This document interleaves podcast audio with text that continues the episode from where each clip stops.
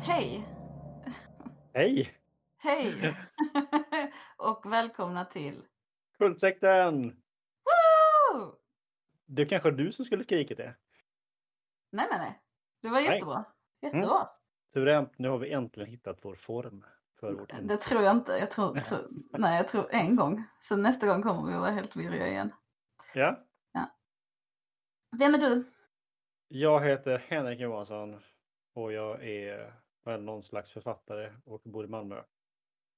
Och vem är du? Jag heter Anna-Maria Olsson och är kanske lite någon slags författare ibland eh, och eh, allt möjligtare och bor i Malmö. Poddare. Poddare.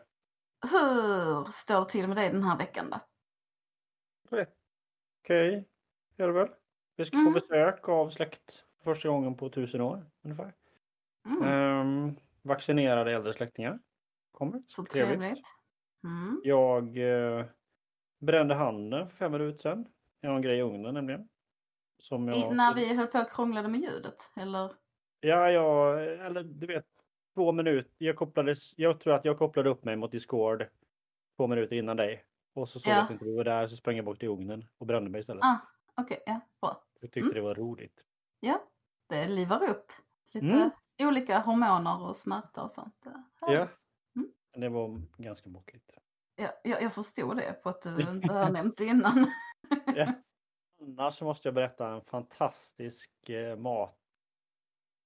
Vad heter det? Matnyhet. Matnyhet, ja. Fått en chokladfontän av en granne. Ja, just det. Du har fått en chokladfontän, ja. Mm. Ja. Så vi har ätit massa choklad. Och doppat marshmallows och jordgubbar, ananas, banan, allt möjligt. Ja. Blåbär. Jag, ja. jag har varit i närheten av en chokladfontän en gång och då luktade det så här bränd. Det var på ett bröllop. Man kom Mhm. in i så här bröllopstältet och bara, oh, här luktar bränd choklad. Undrar vad det är. Och sen såg man chokladfontänerna. Det smakar inte så mycket bränt choklad men det, det, liksom, det luktade det. Aha. Det lä- låter som att det det var för varmt på något vis. Ja, eller kanske att det hade kommit, det var en jättestor fontän, så det kanske hade kommit in lite choklad, du vet, under någon skål i något litet, jag vet inte. Ja, alltså när Det man håller kändes som att det kunde blir hänt liksom mycket. choklad överallt. Ja, jag tycker det Ja. verkar så jävla grisigt. Alltså inte grisigt som snuskigt utan grisigt som kladdigt. Ja, ganska. Det var, Mm. Men det- vi var mycket grisigare första gången än andra. Då hade vi liksom lärt, lärt oss lite grann. Ja, vad roligt. Ja. Ja, Är barnen glada? Ja det är de. Det är de. Eh, Vilken Jag, jag, jag väntar också på att vi kommer bli eh, matförgiftade så småningom. Ja. Mm. För man har liksom en typ 40-50 grader choklad som står och puttrar liksom. Ja. Och sen så stänger man av den för man kan inte äta mer. Och sen så Nej. värmer man två den typ dagen efter, vilket man inte ska göra såklart, utan man ska slänga den. Man kan inte bara slänga choklad hur som helst. Nej, det... Eh, så den här sista nu när vi slängde den så hade den varit uppvärmd tre gånger tror jag. Kände jag liksom att... Men kan man ens bli matförgiftad av choklad? Alltså är inte det så här eh, massa socker och, ja men du vet, massa grejer som man inte kan bli matförgiftad? Ja, jag tror man kan det. Men det är- fett till exempel som... Eh, ja, det blir inte härsket. Men det är också så att man... Eh, om man dubbeldippar till exempel. Som är ju lätt hänt att man gör. Så Mm. eh, finns det ju en- klara möjligheter för äckelskap från ens egen kropp. Eh, Ja, ja, ja. Kan det sen växa där i? I Kanske, den kanske. 50-gradiga lilla, det blir som så petri dish. Du, vet ja, du vad? ja. Mm. Jag brukar alltid ha ett helvete att klippa våra sådana här för vi sitter och pratar så jävla mycket skit. Mm. Okej, så vi ska Så, sluta prata choklad. ja. Du bara fråga mig hur det är med mig eller skit i det som du har lust och sen pratar vi i, eh, eh, Och, sen pratar vi om Castle Rock. ja, okej. Mm. Och hur är det med dig? Jo tackar som frågar. jag har som vanligt alla massa kriser som inte jag vill prata om så att jag, jag Ja. pratar inte om dem. Eh, det verkar vara min,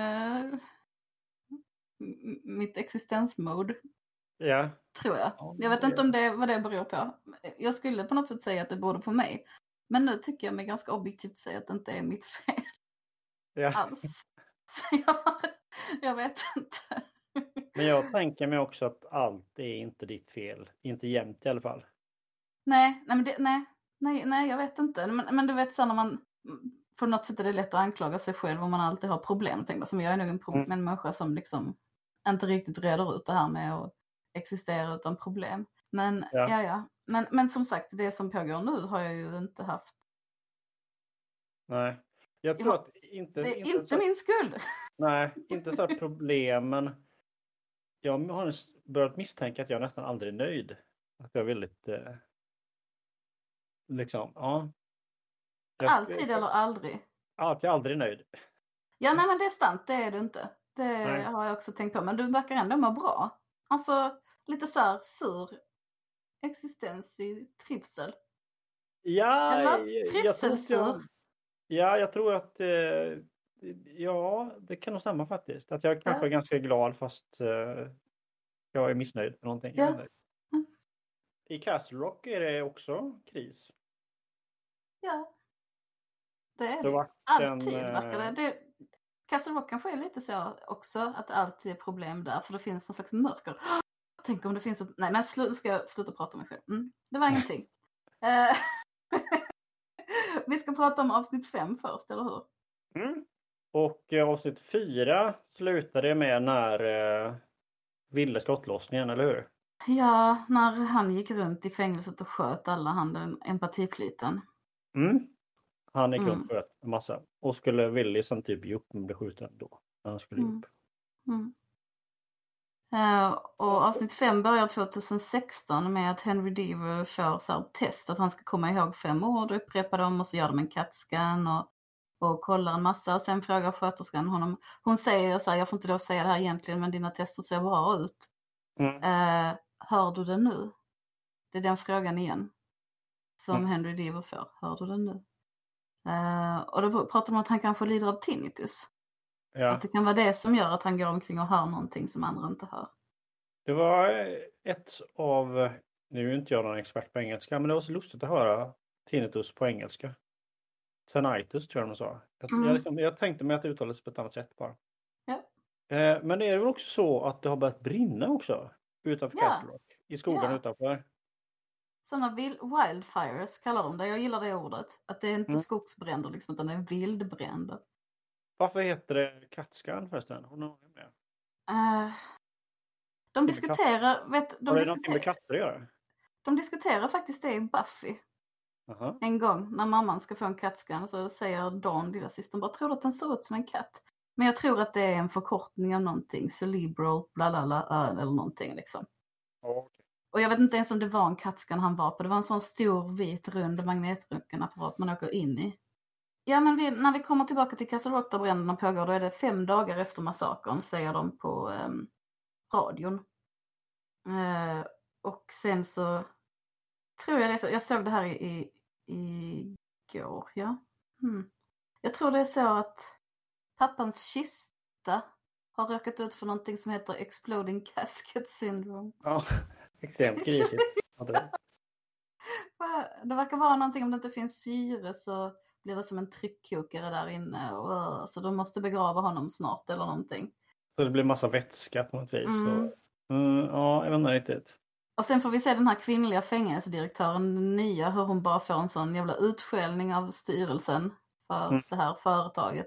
Där de är så här, uh, alltså de har ju varit med på allting. Att uh, snacka om the kid, eller dölja the kid och så. här. De har ju, alltså det är de som har bestämt det. Men nu är de helt så här, bara vi offrar dig om det kommer ut och bra. Och Ja, liksom hela den här massakern berodde på att en empatipliten är missnöjd med att han, den här The Kid sitter inne och sånt. ja, Jag vet ju inte hur sant det är men. nej. Nej, nej, nej. Däremot, där, det kan man ju... Om inte det är ditt fel allting så är det ju the kids fel känner man ju. Ja. Att det Ja. är liksom, vart han än går så börjar folk mörda varandra och det startas bränder och Verkligen. folk flippar totalt. Ja. liksom. Men det verkar Eller- inte som att Henry påverkas så. Nej, jag tänkte precis på det. Jag tänkte precis Ja. på det. Att, Mm, det är eh, intressant. ja, Henry verkar inte... De har väl någon slags speciell det, koppling kanske. Han har skaffat en demensapp, eller kan man kalla det, till sin mamma. Ja, och övervakningskameror hemma och sånt. Så det är liksom en röst som säger nu öppnas ytterdörren. Ja, jag tror det är något, men larmsystem, övervakningssystem tror jag att det är, inte demenssystem. Mm. För att han vill kunna titta på henne på sin, via sin mobil. Och att Pangborn också ska göra det, men Pangborn bara så men ska du chippa henne som en hund? Mm. Han är ju väldigt liksom, han, han knyter ju väldigt mycket till, till mamman Ruth som en jämlik hela tiden, trots hennes sjukdom. Ja, Eh, Så för honom blir ju sådana där saker kränkande, för det är ju kränkande. Och- det är det. Men samtidigt så, så det är lite klurigt när hon sätter, alltså om hon till exempel sätter igång en sak på spisen och sen går därifrån. Mm, absolut. Ja men det är, det är ju någon slags balans mellan, mellan integritet och säkerhet. Mm. Ehm, Men jag, jag är nog en sån som nästan lutar mer åt Pangborns sätt att hantera det. Mm. Alltså, ja, jag vet inte, det är klart det är svårt. Men, Ja. mm. I alla fall, sen, sen får vi se när The Kid sitter och kollar på någon sån här utskrivningsfängelsevideo som är jätteläskig och äcklig och rolig. Så här, Ja, det blir, om din historia. det blir en väldigt rolig kontrast på något vis. Som bara, Ja. Man ser hur ska The Kid kunna anpassa sig till samhället utanför som nysläppt fånge här. Det är bara, mm, okej. Det handlar ju så här om arbetsintervjuer och förklara så här luckor i CV typ. Och han sitter där och kan inte säga en mening liksom framför Ja. videon. Ja, det är roligt. Eh, Och så sitter han också och minns då eh, den gamla direktören när, han, när eh, The Kid satt i buren och han berättade om sin tro, den gamla direktören och sin gud och sådär. Där finns det något sånt. Lazy, fast fängelsedirektören, säger ju någonting som är så... Som, jag vet inte om jag ska kalla det självkritiskt, men det är liksom det tydliggör ju också och man kan se det som en större grej hur religionens elände, alla, eller alla större systems elände. När han säger någonting i stil med att du såg så liten ut i förhållande till min tro. Just liksom att det att man sätter tron, Gud, ekonomin liksom över människor liksom. Ja, Politiken.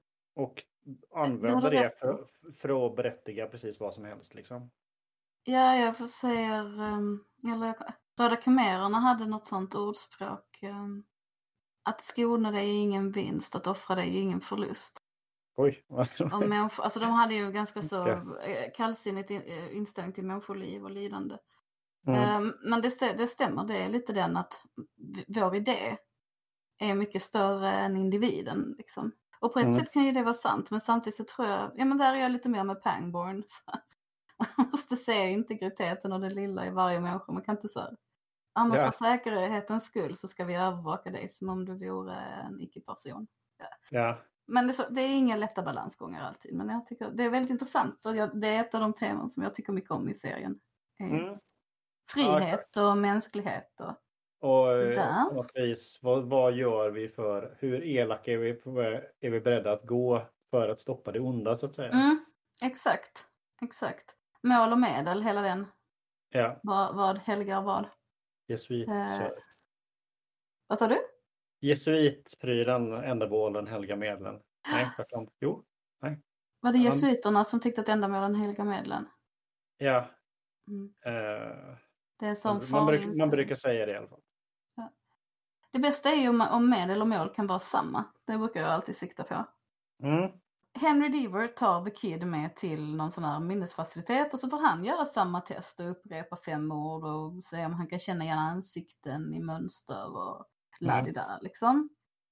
Sen så ska, sen när de har gjort testet så har de kommit fram till att han har någon form av amnesi men att den inte beror på någon hjärnskada.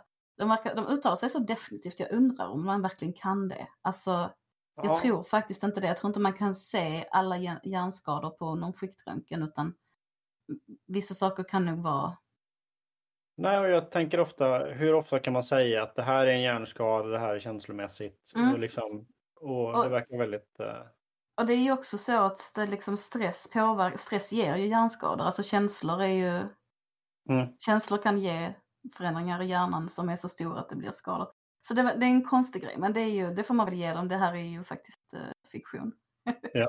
Eh, Ja. I alla fall, så det här är, han har någon slags känslomässig minnesförlust och monokral, så han får bo där, liksom, han får ligga där. Och så säger de så här, men ingen vet om att du är fri, så gå inte ut. Så han är ju inte fri, Nej. utan de bara stänger in honom på ett nytt ställe. typ. Ja. Det kanske men är bra, sen för han går han ju ändå så- ut. Mm, såklart. Eh, på natten och eh, går in till en familj som har ett födelsedagskalas. Först går han och sätter sig i mörkret i hallen. Mm. Och då börjar, börjar de gräla det låter också som att de kanske till och med att någon av dem dödar varandra i familjen. Ja, det låter som att Alltså- det, det är någonting så här, jag ska skära upp dig, att Ja, någon kniv som tas fram och sånt. Ja, just det. Ja. De- har haft en kniv till att skära upp tårtan. mm, ja, de har använt en sån riktig köttkniv till det. Så den Mm. ligger på bordet redan och är hotfull. De skulle haft han- en tårtspar istället. Ja, verkligen. Verkligen. Men eh, de ser aldrig honom utan han bara sitter lite grann i hallen och sen när, när liksom tumultet är helt så här, man tänker att ja, men nu är det nog ett mord. Då går han upp på taket. Vad gör Mm. han där? Han bara står där eller? Ja, vill vet det. Det är ju ett, det är återkommande senare bara i de här avsnitten att någon som typ står på ett tak bara tittar ut eller sitter på ett tak eller står på en bro och sånt där liksom. Mm. Sen får vi se en återblick när uh, Pangborn ger mamman en, ett skrin med schackpjäser. De schackpjäserna har ju någon form av vikt i den här berättelsen, det har vi pratat om redan innan. Eller Mm. figuriner, liksom det är någonting med det. Och sen är Jackie Torrance och rotar bland the kids grejer och han kommer och ställer sig i dörren typ naken och stirrar på henne när hon ligger i hans säng och tittar på hans kniv eller någonting tror jag det är. Visst är det en Det var så- fältkniv han har haft under sängen? Så under det var tydligen det. Eller jag, jag kände, jag, där var jag tvungen att avbryta för bara, jag måste liksom googla på detta liksom. Och Ja. där, på någon annan, i någon recension en gång av avsnittet så beskrivs det som en pocket knife. Ja, ja, ja. Mm. Så vi, vi säger att det är en kniv. Eh, och sen så får, sen den här serien är ju så att den hoppar, hoppar, så då hoppar de till en, Väldigt mycket Så- faktiskt. Ja. ja, mycket mer än andra, den är mycket mer upphuggen. Eller den här, eh, inte den här serien, utan den här säsongen. Eh, och det stämmer ju väl med berättelsen, så jag tycker mycket om det, men det är ju svårt att återberätta för man är en här, en där, en här, en där. Men där tänkte Eh. jag att det skulle vara någon våld eller våldtäkt eller någonting liksom också. Och du vet, ja, men det, finns det signaleras ju mycket liksom. Mm. Hon ligger på en säng och har en kniv och han dyker upp naken liksom. Mm. Mm. Och bara ställer sig sådär och tittar på henne. Vilket Ja. är ju lite skumt att göra när man är naken ändå. Alltså om det är någon man inte känner, att man bara... Mm. Absolut. Men han eh, följer ju inte riktigt normala sociala regler. Nej, han bryr sig inte om det. Men sen kommer vi till en ceremoni för, eh, jag tror den är för att hedra Pangborn, de ska döpa en bro efter honom. Men när man Mm. kommer till ceremonin så pratar de ju om de döda i Shawshank-fängelset. Eh, Men sen, sen börjar de då hålla något tal om Pangborn och han har ställt upp alltid i Castle Rock och han har varit en klippa liksom. Eh, Sen börjar en hund skälla och Ruth tittar på den och man förstår att hon bara så här, "Oh, shit det är Kujo. Alltså Mm. lite grejer hon säger runt det får en att, senare får en att tänka det. Men det är också så hon reagerar väldigt starkt på hunden. Och sen är hon bara borta och när Henry och Pangborn ser henne så står hon på broräcket och hoppar. Mm. Mitt under hans ceremoni. Ja, ja, men det var lite eh, förvånande kan jag tycka. Att hon hoppade från bron sådär. Ja, och det var så, det var, gick så fort också. Man bara såg henne, alltså de var så bara, oh var är Ru- Ruth? Titta sig runt och så bara stod hon på räcket och så hoppade ner. Ja, jag, där kan man Ehm. tycka att de, det var som att skaparna, de gjorde inte så här jättestor pryl av det liksom. Nej, verkligen inte. Jag gillar det. Ja, Alltså att det är lite sådär som i verkligheten, man bara precis hinner se något. Att det är inte ja sådär, bara händer. Det är inte "Åh, tusen, in, åh." det är inte tus, tusen närbilder på oroliga ansikten eller så. Utan- nej, nej exakt. Sen klipper vi igen, för vi klipper runt hela tiden till Jackie som sitter i bilen och röker eh, på och pratar eh, om alla morbida saker som har hänt i Castle Rock och hur hon har tagit sitt namn efter. Med de kid alltså. Ja. Ja, precis, med The Kid. Han sitter också i bilen och ser så tyst och dum och förvirrad ut som han gör hela Ja. tiden. Det är ganska roligt. Han, Eh. han, han har inte så här extremt mycket att jobba med i Nej, nej. serien eh, Stackars Bill Skarsgård. Alltså. Han har ett Slappna av i ansiktet, typ. Ja. Så ska han stå lite så eh, typ ena axeln upp och andra ner, eller lite så. Ja, men jag, jag tycker han gör det bra faktiskt. Han gör det bra, Han han gör det bra, jag håller med. jättebra på Han, eh, att vara... Har perfektionerat sitt bortkomna eh, uttryck. Ja, apatin personifierad ibland. Där. Men, men hon Han kanske berättade är en också... symbol för alienationen. Ja, kan han vara. Ja. Men då berättar Jackie att hon själv har bytt namn efter sin galna yxmördande farbror. Som dödade folk på ett hotell. Och det är ju Eller dog på ett hotell. en hänvisning till The Shining, Ja. Ehm, Jack Torrance. exakt. Ja, hon kallar sig Jackie Torrance. Och det har hon liksom gjort för att jävlas med sina föräldrar för att de inte vill berätta saker. För att allting Mm. hemskt pågick liksom innan Jackie föddes. För hon är väl född någon gång 80-90 och allting hemskt hände väl 70-80 Ja. tänker jag mig. Så hon, hon vill veta allting för hon vill bli en författare. Som Ja. hennes yxmördande farbror var. Eh, Ja. Men hon tycker att hon kan inte vara det för hon har liksom inte tillgång till historierna. Och jag blir jättefrustrerad. Jag bara, men ah, hitta på liksom. Du för- Ja. är författare, du vill vara människa, du inte vara Och journalist. det finns ju massa Men- grejer som har hänt. Ja, men- men dessutom är det lite så här, oh vad synd att jag inte har fått bort med om alla mord.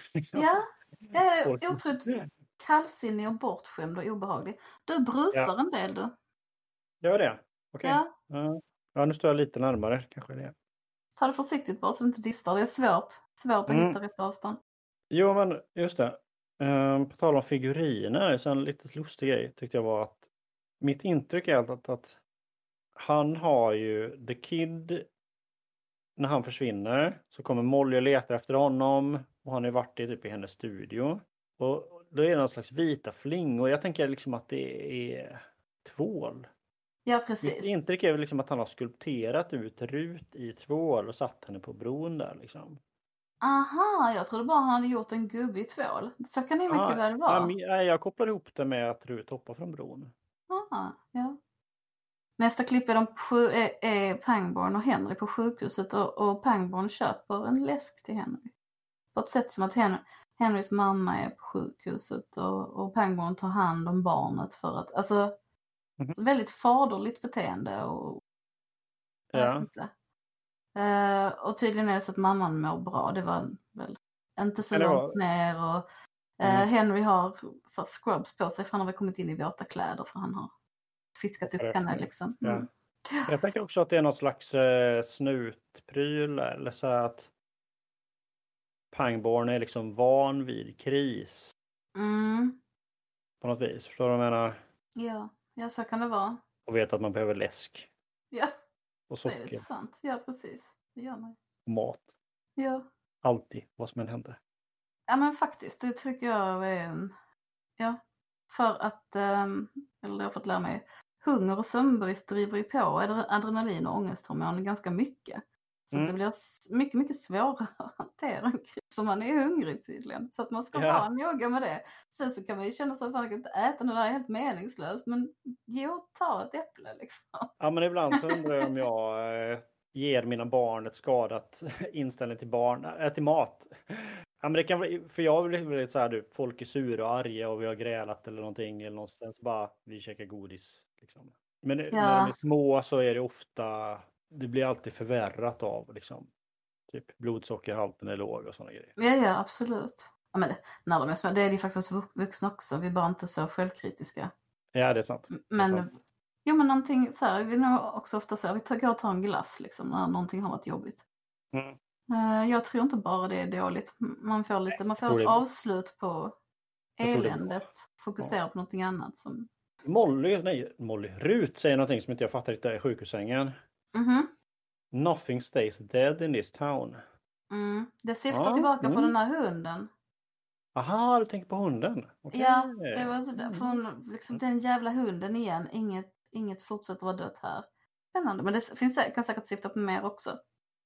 Eh, Efter sjukhuset i, alla fall, när de ska hem, så har Jackie ringt till knarkmilfen Molly. Mm. För att nu står The Kid på taket igen. Ja, men hon fattar ju liksom också det här med... Hon hör ju liksom. Hon har ju vetskap som andra inte har. Så här att hon kan höra hans, eller vad som pågår i hans huvud och det är som att det är allt samlat elände i hela stan. Från, Ja, hon, säger, hon säger det senare till Henry. Henry, han stämmer inte. Han har allt elände. Mm. Men både också sådant som redan har varit liksom tidigare också, inte bara det som pågår just nu. Utan Nej, det finns en slags ti- tidsrymdkollaps här i Castle Rock. Ti- eh, rumtidväven liksom har någonting för sig, tror jag. Mm. och sen nästa, nästa klipp jag så, så står Molly inne hemma hos Henry Deaver och Ruth och så kommer, kommer Henry och bara vad gör du här? Hon bara nyckeln ligger under grodan. Precis som att det, bara för att man vet var en nyckel är så får man inte lov att gå in hos någon. Men lite samma. Nej, Och sen berättar Ja. hon att hon har, hon har drogat the kid så han sitter och sover i bilen. Hon har gett honom också, alltså så här morfin. ja, ja. Jag tror jag var så upptagen av allt annat så jag tänkte nog inte hur, på hur eh, självklart hon gör såna här grejer. Jag tycker det är jätteroligt att hon säger, ja men jag drogar den här människan och sen så gör jag inbrott här. Eller liksom, in, eh, integrerar. Så är allting bara normalt. Hon är så otroligt gränslös på något sätt. Liksom. Ja, Vilket, ja. vilket också stämmer med om man har allas känslor så är det fan svårt att veta var man börjar och slutar. Liksom. Det är Mm. inget konstigt att förstå. Men ja, ja. jag älskar karaktärerna i den här serien. Alla är så... Alla har liksom sådana såna djup på något vis. Eller såna... ja, men de är lite eh, egna, inte bara några stereotyper liksom. Ja, ja, precis. Jag tänker Mhm. alltid att jag har sett Pangborn i tusen saker, jag kan inte komma på vilka. Men jag känner också igen honom jättemycket. Det känns som han varit surgubbe sedan 1991 i Ja. olika filmer och stått vid grindar och skrikit. Ja, men jag, egentligen, först tänkte jag att det var han som var kung fu-mästare, men det är det ju inte alls däremot. Nej, det är var det inte. på. Mhm. The Kid ska nu sova hos eh, Henry i natt. Och då, för jag får verkligen känslan där när hon, för hon säger så här till Henry, det är någonting fel med honom. Och Henry typ skickar ut henne för hon har ju faktiskt gjort inbrott. Eh, Mm. och, sen, och innan dess så säger han, du får stanna här i natt. Som ett sätt att säga till henne att din känsla av att han är fel skiter jag i. Mm. Alltså så nästan som en aggression mot Molly och erbjuder honom att stanna. Och sen vågar Henry ändå inte ha honom i huset utan tar ut honom till något hus på baksidan av trädgården där de har där de förvarar massa gammalt där pappan brukade vara tydligen. Typ ett garage eller någonting. Ja, för Fast större och med ett sovrum och förråd och en liten, så att det finnas Mm. kokvrå och sådär. Och där ställer sig The Kid och spelar piano. Mm. Otippat. Ja. Och eh, har fått, fått på sig en av pappa Divers gamla kostymer. ja, och senare så säger Ruth när hon ser honom genom fönstret bara I swear we buried him in that suit. Ja, så det kanske också Nothing stays dead in this Mm, town. Exakt. Eh, jag, jag tycker det är väldigt synd. Alltså Pangborn är ju egentligen en lite så här eh, en av seriens hjärta eller så här smärta hjärta att han nu, nu har han äntligen fått sitt livs kärlek och, då, och så döper de en bro efter honom och så hoppar hon från den bron. Och det är liksom så, så är hans existens. Ja, Så han är full, full och ledsen i skogen och tittar på övervakningskameror och ser The Kid. eh, och letar upp The Kid i skogen tror jag. Jag, men jag innan, inte. innan dess så, så, så går, åker han till sin bro och eh, eh, bryter loss skyltarna. Just att det. Och, och slänger dem i vattnet. ja. Skitbro. Ehm, och, men, men när Pangborn och The Kid pratar så Pangborn är ju väldigt så här, hej asshole. Mm. Pratar alltså på det sättet väldigt aggressiv men ändå kommunikativ. Mm. Eh, och The Kid är superkommunikativ med Pangborn. Ja, tar- kommunikativ. Ja, Liksom aktiv på ett sätt som att han liksom tar nästan initiativ och för. helt annorlunda. Och då kommer det fram igen, jag tror det har liksom tangerats innan, men att Pangborn stoppade Lacey när Lacey hade fångat The Devil. Mm. Eh, och Pangborn såg att Lacey hade en ung kille i bagageluckan på sin bil. Mm. Men Lacey sa att jag har fångat djävulen och Pangborn trodde på det för att Castle Rock är så jävla ont. Ja, Så han bara, okej. Men sen så har ju den här ungen suttit inspärrad i typ 30 år utan att åldras i en liten bur. Ja. Så nu vet han inte vad han ska, han har väl jättedåligt samvete samtidigt som han bara, men vad fan är du? Är du djävulen? Och han svarar ju nej att han inte är djävulen. Mm. Men, Ja. eh, men där är jag, jag är väldigt kluven till vad han har för makt och förmågor liksom.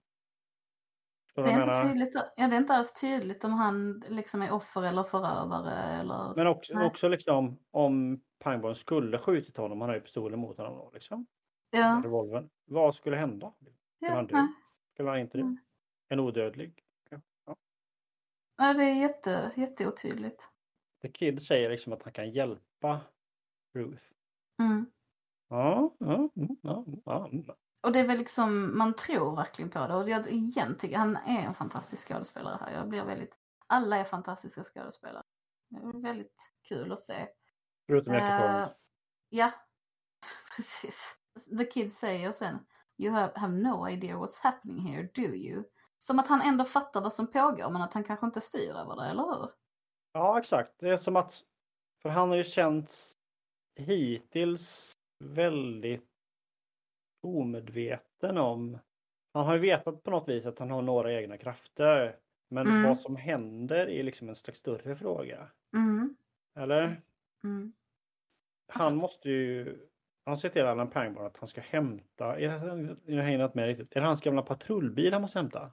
Någon bil ska han hämta. Jag vet inte. Ja. Säger han det här? Ja, det tror inte jag. avsnittet slut här först? Castle Rock nummer 6. Vad hette det avsnittet? Jag såg aldrig titeln på det. Uh, jag tror Filter, är jag rätt säker på. Ah. Jag måste bara fråga innan vi börjar prata om, för det här Mm. avsnittet så är det ändå, det är någon slags lite vändning eller i känslan tycker jag, eller i, Mm. alltså lite mindre, lite mer mysterier, lite mindre karaktär och lite mer så här. Vad tyckte du? Vad tyckte du om detta avsnittet? Och femte eller sjätte. Sjätte? Ehm, det som... Ja, alltså jag tänker det är framförallt slutet som blev väldigt eh, dramatiskt liksom. Mhm. Mm. Förstår du vad jag menar? Det Mm. gjorde att det blev mer så här. eh,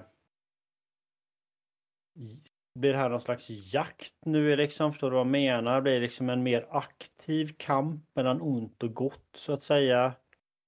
Eh, och så. Mm. Vilket jag är ganska tveksam till de här två eh, personerna som dyker upp. Mm. Eh, Alltså till, du gillar inte dem? Nej? Eller så här. Jag kände liksom att hittills så har typ alla karaktärer liksom på något vis haft både ont och gott eller varit förståeliga. Mm. Liksom, Medan det känns, som, det känns som att de här två är renodlat onda liksom. Mhm, Mm.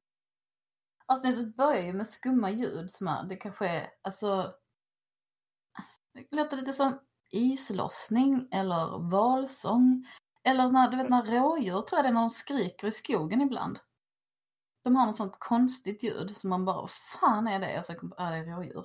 Vet du vilket ljud jag menar? Nej, jag vet inte faktiskt. Något Ja, sånt monstruöst brunstvrål liksom. ja, okej. Ja. Mm. Och allt, allting är så här lite blandat med tinnitusljud och...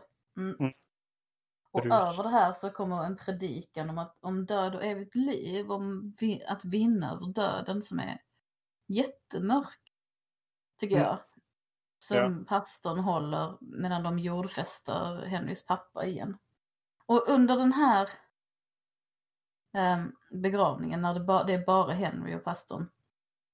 Där står eh, en ung man och en äldre man. eh, Den unga är vit och den äldre är svart. De står på en bit bort vid en sån här husbil. En speciell sorts amerikanska husbilar som är så stora och beige med bruna detaljer. Finns det inte med en likadan i Nedef? Det är någonting med, dem, med formen på dem. Förstår du vad jag menar? De Det- liksom Spetsiga på ett sätt. Mm. Den hette, hette den Near Death? Nej, det heter den inte. Vad fan hette Near den? Death. Near Midnight? near, dark, near, near Near dark. Dark. Near Dark. Ja, jo, men det är samma Ja. typ av skum amerikansk husbil, det stämmer. Alltså eh, en vampyrfilm som vi har eh, poddat om. Yes. Jag har kallat dem husbilsspionerna, Mhm, de här två männen. Ja, De okej. står och iakttar på ett sånt lite illvilligt sätt. Jag äter godis medan vi spelar in, det är en Marianne-cola. Usch, jag blir avundsjuk. Ja. Kaos, ja det är gott. Mm. Men det är ju hemskt att prata med saker i munnen men Mm. så får det vara. Jag har inget vettigt hemma som jag kan eh, tugga på känner jag. Jag har några sådana här eh, Fisherman's Friend. Det, det är inte tillräckligt. Nej, det är inte godis. Nej, Jag gillar Fishman's Friend jättemycket men jag tycker inte det är godis. nej. Pastorns predikan tyckte jag var läskig. Ja, Där fanns husbilsspioner. Medan detta pågår så är The Kid och i det här skjulet eller hu- uthuset som ser ut som en stor villa helt ärligt. Mm. Han är där och rotar och kollar på gamla filmer. Henry och adoptivpappan var ute i skogen typ. Mm. Och adoptivpappan framstår ju som mer och mer som ett psycho. Mm.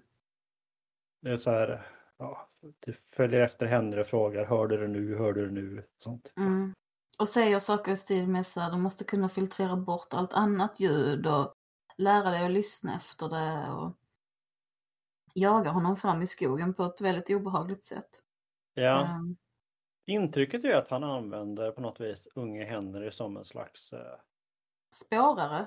Spårare, ja, för Mm. att kunna uppfatta ljud som man själv inte uppfattar och sånt. Liksom. Mm.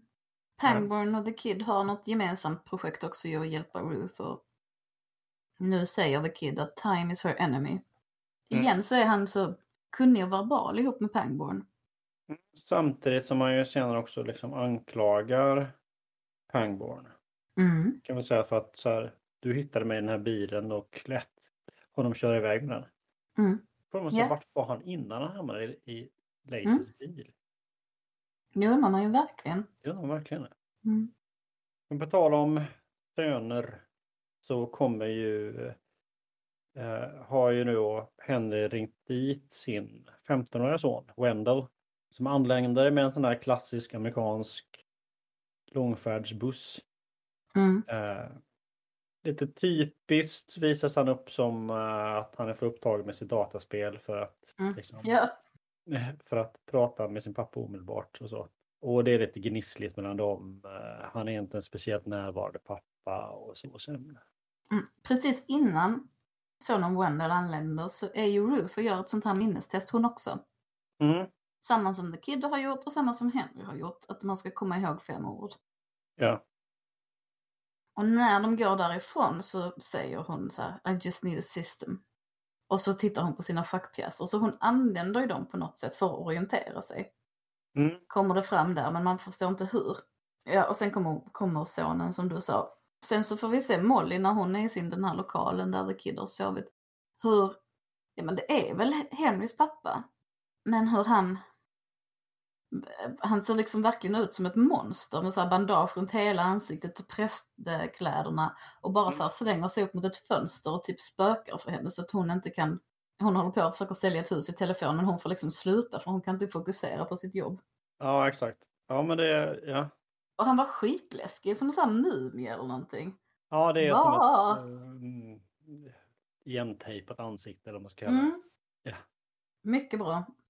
Och sen får vi se när The Kid anländer till Juniper Hill, som är någon slags psykinstitution. Eh, Mm. Och när han kommer så flyger det massa korpar över Juniper Hill och en störtar liksom ner på marken. eh. Och tydligen är Juniper Hill med i flera andra Stephen King-verk. De hänvisar också, jag kommer inte ihåg vilka det kan vara, men ja, de hänvisar ju till så här, oh, men här är inte så dåligt som det var innan. Det är typ, typiskt för den här serien att säga att okej, här har det hänt någonting liksom. Exakt. Eh, Vilket andra ord är, är precis lika dåligt. Det kommer bli ännu sämre. Yes. Yes. Eh, Mm, så men han skrivs in där. Ehm, jag gillar ordet juniper, tycker jag mycket om. Alltså det Ja, betyder jag en. Jag är så himla besviken på att en heter en på svenska. Är En är namn. ett ganska tradigt och fattigt namn. Ja, Juniper är väldigt mycket finare. Är du med? ja. Juniper. Jag gillar det också. Mm. Ehm, och sen så håller Henry och Henrys son på att prata om Henrys barndom och han undrar så hur gammal var du när du blev adopterad? Han säger Mm. fem, "Jaha, och hur var dina riktiga föräldrar? Och han är bara så här, din mormor och morfar var mina riktiga föräldrar. Att han vill liksom inte alls prata om tiden innan han blev adopterad. Nej. Eh, Och han är överhuvudtaget ganska avvisande. Men han, han kommer inte ihåg. Nej, Han vill ju själv, själv veta vad som hände i hans barndom. Men jag tycker då kan man ju säga det. Jag kommer inte ihåg, jag önskar att jag visste. Det här är ju liksom, det här Ja, är vårt gemensamma förflutna. Men Att han har ju tagit dit Wendell men syftet är ju snarare att Wendell och Ruth skulle lära känna varandra. Mm, Han är ju mm. ganska eh, ointresserad av sin son här också liksom. mm, på ett sätt som ändå är lite förvirrande. Alltså, för han verkar ändå vara en människa som alltså annars i sina andra... Eller, alltså han verkar Mm. vara en människa som, som fokuserar på att göra rätt. Och på att saker ska Mm. vara rätt och bra. Och sen samtidigt är han helt så här som att hans barn inte är hans barn. Ja exakt. Det är märkligt. Och sen går Henry in och pratar med sin mamma så är hon lika avvisande. Så Ja. Tar två sådana samtal i rad. Och han frågar om vad det liksom, hör du ljuden i skogen och vad var det för någonting och vad ville pappa med det och sådär. Hon bara, ah, gå och fråga din pappa. För då kommer hon inte ihåg att han är död. Nej nej nej. Men där Så det var-. För att det, det är någonting i den scenen som antingen är hon bara senil eller så är det så att jag hade liksom lite vibbarna av att hon kände till mer än hon sa. är ju arg i alla fall. Ja, Så man vet, när man vet inte om hon är arg för att hon inte minns eller arg för att hon inte vill prata om det. Eller om pappan, alltså han den döde, har på något vis pratat om de här ljuden med henne men hon är inte intresserad, har aldrig hört det själv, liksom tycker att det är dumheter eller någonting. Kanske någonting sånt. Men överhuvudtaget är det alltså Ruths relation till sin, sin um, döda man eller sin, alltså sin exman eller sin, en, vad Mm. heter det? Vad heter det när man, vad heter den som är död när man är änka? Ingenting. Bortgångna Inte, man. Ja, Ja. den, ja. Ja. Eh, är konstig. För det är precis Mm. som hon inte har haft någon relation med honom alls. Hon, Mm. Molly och eh, Henry Deaver är i alla fall tillbaka igen. Mm. Ja, jag tror han, han sticker direkt och träffar henne när inte mamman svarar känns det som. Mm. Han bara, vad var det för ljud i skogen? Vad var det med min pappa? Liksom. Och då så... Alltså hon får ju igen förklara lite grann som hur det funkar känner jag. Med eh, att höra att hon var en del av honom, att hon visste vad han var och vad han gjorde så att säga, säger han det som. Men hon menar egentligen att hon känner samma sak som han känner. Mm. Ehm, så att hon försöker återigen ganska pedagogiskt liksom och han fattar, har väldigt svårt att förstå hur hon hör hans tankar så att säga, eller känslor kanske jag ska säga. Och berättar då till slut att att ja men du hatar din pappa. Han hämtade, ja, och hon bekräftar att han tog iväg, pappan tog iväg Henry till skogen på sena tider och konstiga tider, liksom att de åkte iväg själva. Root har ju då menat på att de bara var ute och gjorde liksom typ kampar, liksom fiskade. Mm. Eh, Men hon eh, säger att hon, han hatade henne. Nej. Henry, Han ha- hatade, Henry hatade sin pappa. Och Mm. så, så här, sa jag det så här, nej men det behövde du aldrig säga. För att jag kände det. Mm. Och, och, och i det sammanhanget sen berättar hon att det var hon som dödade pappan. Genom att dra ut den här slangen då liksom. Och först berättar hon att hon kände hur Henry var jätterädd ute i skogen och hur han sen blev lättad. När, Mm. Och som, vad hon tolkade som att när, när Henry trodde att pappan var död. Mm. Men jag det är en väldigt stor skillnad tycker jag på att hata någon och på att berätta att man hatar någon. Mm. Eller på att vilja att någon ska dö och döda såklart. Men alltså, Ja. är så här, du behövde inte säga det. Nej men om han inte sa det då har du liksom stulit den kunskapen på ett sätt. Eller alltså, den var ju inte till henne. Mm. Ja, det, där är det här med så lite integritet och sånt igen. Att det, Sen kan det väl också finnas en viss fråga där om, alltså hatar han sin pappa så att säga hela tiden? Eller nu hatar jag dig just nu för nu är jag jättearg på dig. mm. Eller någon slags mellanting liksom. Ja, pappan är verkligen ett mysterium. Och, sen, och då berättar hon att det var jag som drog ut slangen och att du och jag gjorde det tillsammans för jag kände att det var det här du ville och det var som att det var din hand. Och, ja, han eh, tycker att du är helt sjuk i huvudet. Ja, han blir jättearg. Och det, Ja. det kan jag ändå förstå. Det är en Ja. liksom, sjuk sak att berätta och en sjuk sak att göra. Mm. Och sätter honom i en jättekonstig sits också. Liksom, vad ska han... För han, hon gör ju honom till medskyldig liksom. Ja, Och liksom känslor har man ju rätt till. Det är ju handlingarna som är Ja, exakt. som man måste kontrollera. Så det, kon- alltså det är konstigt att hon är, är otroligt... Ja. Absolut, och det kan man också se det som att om han nu, han hatar sin pappa, men pappan var ju på något vis redan oskadliggjord så att säga. ja, När han typ låg i en respirator. Det var inte som att han utgjorde något hot. ja, det är weird.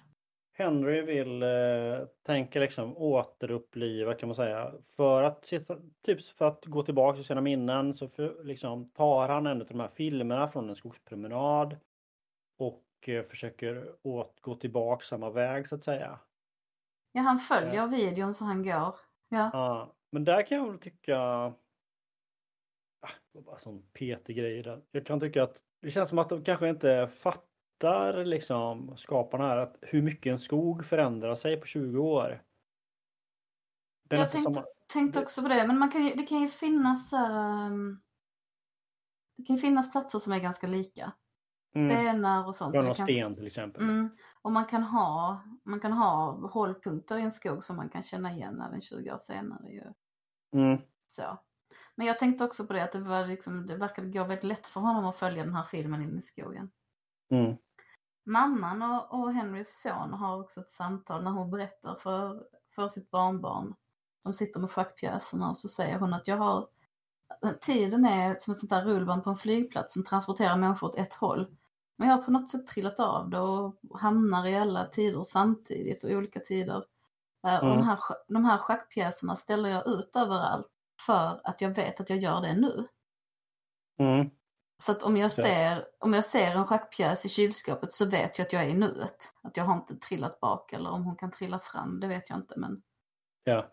jag tycker det är väldigt coolt att sätta Mm. ut Mm, markörer i nuet för att känna igen sig. Liksom. ja. Ja. Ja, det, var, det är ju på det här med lite samma sak som jag kan känna igen, inte för att det är senildement, men med drömmar ibland.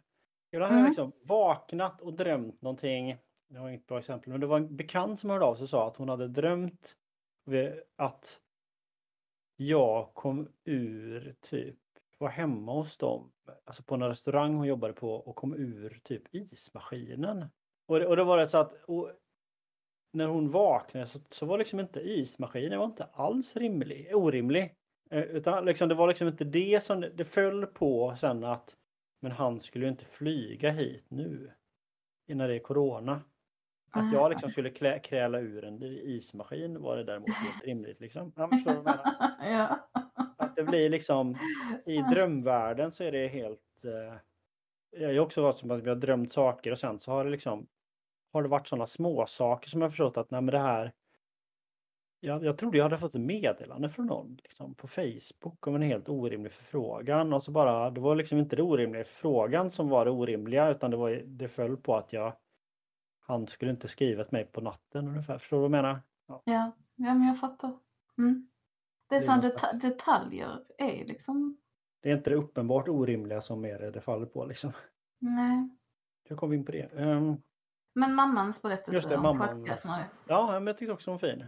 Sen, sen är Pangborn på en skrot och letar efter den här bilen och liksom pistolhotar sig till den till slut för att det är några gangsters som ska ha den så han kan inte få köpa loss den även om han vill. Och, lalida. eh, och Mm. på radion hör man samtidigt hur de rapporterar om en brand på Juniper Hill. Mm, Och att människor som kan vara en fara för sig själva nu är ute på fri fot. Liksom. och det är folk som har dött och Mm, folk som har mm. rymt. Eller... Mm. The Kid kommer till mammans hus igen och bara går och ställer skorna och hänger av sig som att han var hemma lite grann. Mm, Tänkte du på det? Att det, så, Ja. det kändes väldigt mycket som att han kom hem. Han bara tänkte sig inte för och var ute och gick och så gick han hem. ja, jag gick hem. Ja, Liksom. Det, det är liksom att han känner sig hemma där, att han bor. Ja, Det finns ju någon slags anknytning kanske till hela David-familjen från hans sida. ja, på något sätt måste det ju vara någonting. Det är, ju- det är dit han går, han går ju inte till Mollys eh, liksom, ställe. Nej, och inte det första han säger Henry Deaver? Jo, när han kommer ur buren. Jag får mig det. det är sant, fast det har jag blivit instruerad av, av Lacey också. Just det, just det. Ja. Mm. Mm. Men han har egentligen inga strumpor på sig i skorna. Nej. Mm. Nej, men det är väl för att han har liksom haft sjukhuskläder och Mm. lite så, stuckit mitt in i en brand. Henry Deaver ju, har ju gått ut i skogen och följt den här filmen och sen så lägger kameran av. eh, Och då är han vilse. så då, då har han, han har liksom helt litat på den och inte riktigt tänkt på. Och, Och det blivit mörkt också. ja, så, och han håller på och försöker få täckning på telefonen och klockan är nio på kvällen och han springer runt där. Så kom, ser han en eld och så går han fram dit och då är det de här husbilsspionerna som Mm. sitter där. Det låter som någon sån här barnbokshjältepar. typ husbilsspionerna. Ja, det gör det Ja. faktiskt. Så Nelly Rapp och husbilsspioner. Ja. Ja. Ehm, och då berättar de att de kände hans pappa. Mm, eller att- den, den äldre mannen gjorde det i alla fall. Ja, just det. Den äldre mannen gjorde nog. Ja, den yngre gjorde kanske inte. Men han översätter ju eh, eftersom den äldre mannen är döv. Ja, Så han talar om så, den så, äldre. han, så han pratar med ur ett jag-perspektiv liksom. Ja, precis. Den yngre mannen pratar ur ett jag-perspektiv men pratar för den äldres skull och den äldre pratar teckenspråk. Mm. Säger att de är ute i skogen för att lyssna. Säger de. Efter samma sak som han lyssnar efter. Ja. Och då börjar de förklara vad det är. Pappan hade tydligen kallat det för Guds röst. Eh, man skulle kunna kalla det för sfärernas musik också. De kallar det för skisma. Skis, Så- schisma eller skisma. Skisma. Och han har Eh, någon eh, vetenskaplig eh, mumbo jumbo förklaring som inte jag hänger med på alls riktigt. Ja, men Om- det känns ju som så kvantfysik, alla, alla olika universum som kan finnas skaver mot varandra och för att hålla isär så skapas Mm. det här ljudet och man hör det ofta som ett pip i öronen. Och det tycker jag, det är ju många som har pip i öronen ibland så det tycker jag det är inte Mm, roligt. Det är lite att det skulle vara... eller sympatiskt men det, är, liksom, det anknyter till där, det här är ju inte King som har skrivit det här, men King är väldigt bra på att, säga, på att hitta skräck i det vardagliga. Ja, verkligen. Att migränen är i själva verket en parasit i huvudet liksom. Väldigt mycket sånt håller Ja. han på med. Mm. Ja, vet jag, det har han väl aldrig skrivit men En tanke som slog mig eh, var ju faktiskt att inte, att den, här- den äldre mannen, den svarte mannen, mm. Odin Branch, att han skulle kunna vara Henry Davis pappa, biologiska pappa. Jag tänkte också på det. För Gjorde det? eftersom Ja. de, ja, eftersom de, jag vet inte, men jag kommer inte ihåg. Men jag, eftersom de har pratat om dina biologiska föräldrar eller riktiga föräldrar och han har avfärdat det som ingenting. Mm. Den här äh, äldre mannen är också väldigt direkt med Henry. Mm.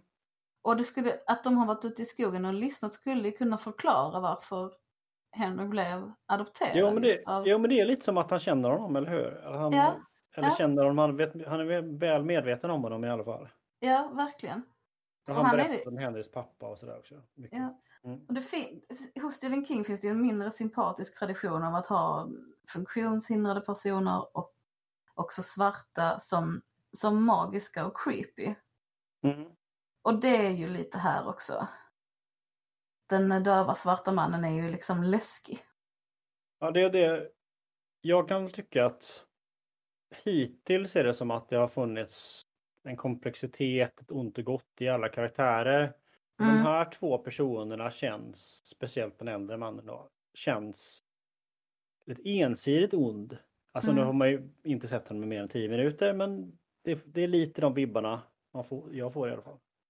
Ja, men jag, jag förstår precis vad du menar. Så jag var lite, Men- jag var lite så här, mm, men ska vi frångå, ska, vi, ska, det bli så här, ska det bli svartvitt nu rätt grann? Förstår du vad jag menar? Ja, ja. Men jag får också känslan av, eller jag vet inte, jag tänker lite grann på Twin Peaks. Mm. Ja, när jag ser det igen när de sitter Mm. där vid elden, att det känns lite grann som demonerna. Att de här uh, husvagnsspionerna är inte människor som de andra. Mm. Utan de är någonting annat liksom. Som jag Mm. tycker gör att de blir läskiga fastän jag, ja.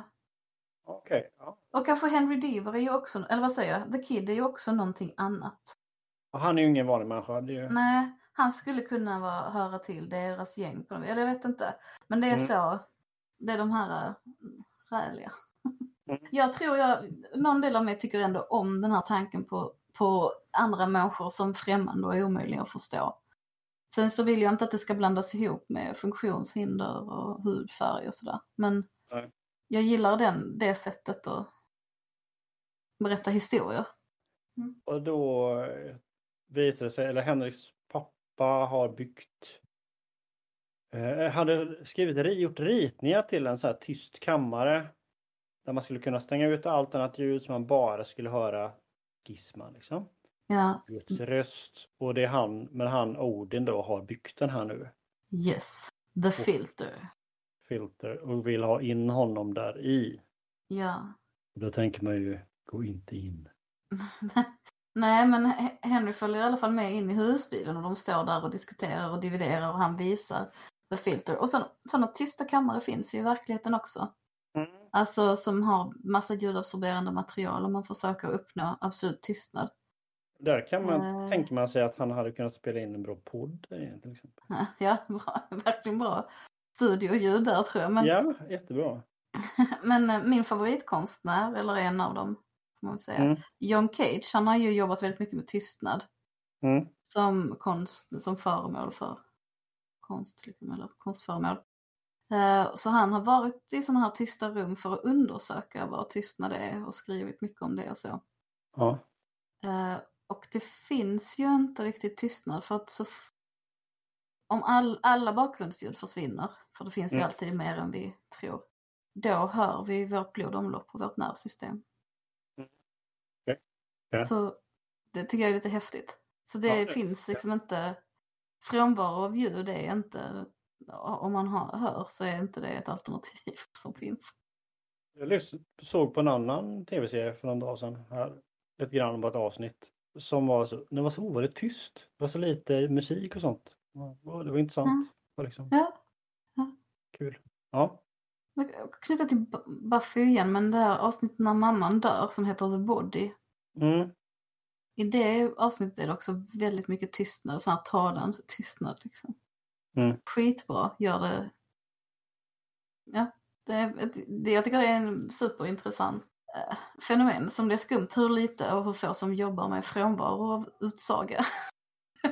alltså egentligen, det är ju Ja. skitspännande och vad händer där? Liksom, det är ingenting.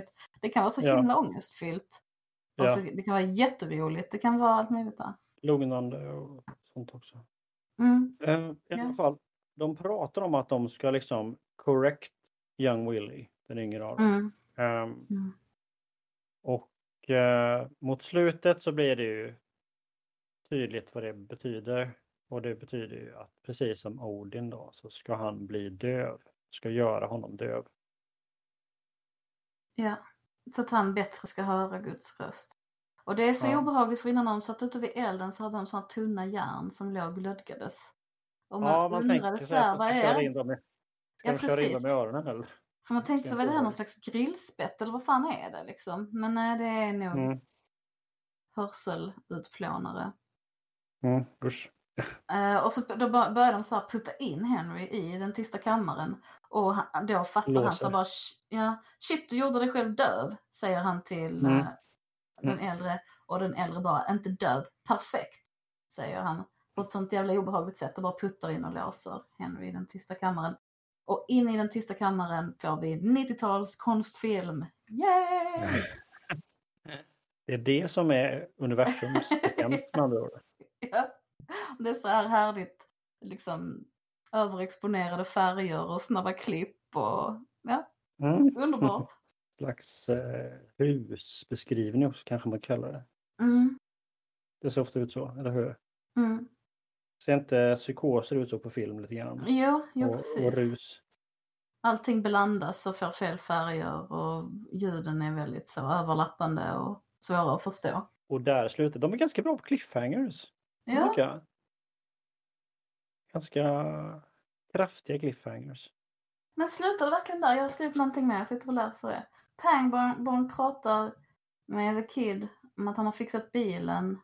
Jo, jo, nej det, det, det är sant. Det, men det är det sista vi får se av Henry. Ah, ja. Eh, och- däremot så sitter han och blöder då. Just det, Pangborn kommer hem och så sitter The Kid utanför och blöder. Så är Ja. det ja. Och Och- eh, han pratar om att, vad fan är han säger? Någonting om att han ska bygga ett monument över alla. Bilen ska vara bli ett monument över alla som låser in honom i den här buren. Någonting om det. Och Mm. Pangborn är skitorolig över Ruth och springer in och letar efter henne. Och det sista The Kid säger som jag tror avslutar avsnittet är um, Varför lämnade du mig i bakluckan på den här bilen? Mm. Det är en ganska bra fråga. Så jävla relevant. Alltså det är sån sju... Alltså som en polis är det ju... Ja, låta människor ha folk i, liksom, fånga, kidnappa människor är fel. Ja, Men som Mm. sagt, där tog avsnittet slut. jag tar så att, japp. Nu smäller jag igen mina anteckningar. Jag får gissa. Mm. Eh, jag vet inte. Jag tänker att... Uh, alltså jag tänker att det är The Kids eget blod. Jag tänker ju inte att han har haft ihjäl Root eller någonting. Jag tror också att det är hans eget blod. Ja. Men hur kommer Henry komma ur, ur kammaren? Det har jag ingen aning om. Nej, kommer han Nej. komma ur? Ja, Det men inte. alltså nu är det inte precis, är det inte typ 12 avsnitt? Det låter orimligt att... eh, alltså vi måste ju få se mer av Henry i alla fall. Ja. Men nu Ja. har ju på de här två avsnitten så har The Kid blivit mer och mer proaktiv så att säga. Mm. Det är inte bara så att han förs med i världen och reagerar på andra saker. Jag funderar också, alltså jag är Det så kanske- att spekulera i vad som ska hända eftersom jag har sett den och sen, Ja. som sagt man blir ju väldigt bra på att gissa om man har glömt. Ja. Men jag funderar så här på hur de har pratat om att det är ju tre stycken här som har haft lite hjärnproblem och problem med minnet. Det är ju Mm. The Kid och mamman och em, Henry. Och jag funderar, och de har sagt så här, men sätt tillbaka honom i sin gamla miljö så kommer minnet. Plupp. Och nu är Henry instängd här med de här gamla och alla eh, ljud, alltså så här Guds röst och allt det där. Kanske kommer han komma ihåg nu. Det är kanske det som är syftet med att låsa in dem här också. Kanske. Ja, vi får se. Vi får se. Ja, det är spännande att se vad som händer. All right. Ja, det var avsnitt 5 och 6 av Castle Rock. Vad ska vi göra till nästa gång? Vill du se Rosemary's Baby? Vill du se The Dead Don't Die? Eller vill du se Castle Rock 7 och 8? Jag kanske kan tänka mig att sticka emellan med en film faktiskt. Eller till, ja. Ja. kanske, kanske det. Men jag vill, jag vill inte ta något beslut nu. Precis. Men, Nej. Ja, Skit i det då. Vi Japp. kan ta det det eh, om ett tag. Mm. Tack så mycket för idag. Tack för eh, idag. Tack för att ni har lyssnat. Vi återkommer med ett avsnitt som vi inte vet vad det kommer att handla om. Woo! Exakt. Och vi vet inte när det kommer. Yay! Vi vet inte när, vi vet inte hur, vad, varför. Men Men som vanligt, det, Det kommer, vara kommer som det. vanligt. Ja, det kommer och det kommer när det kommer och det handlar om det det handlar om. fint. Hej då. Okej, hej hej, ha det fint. Hej. Ta hand om er.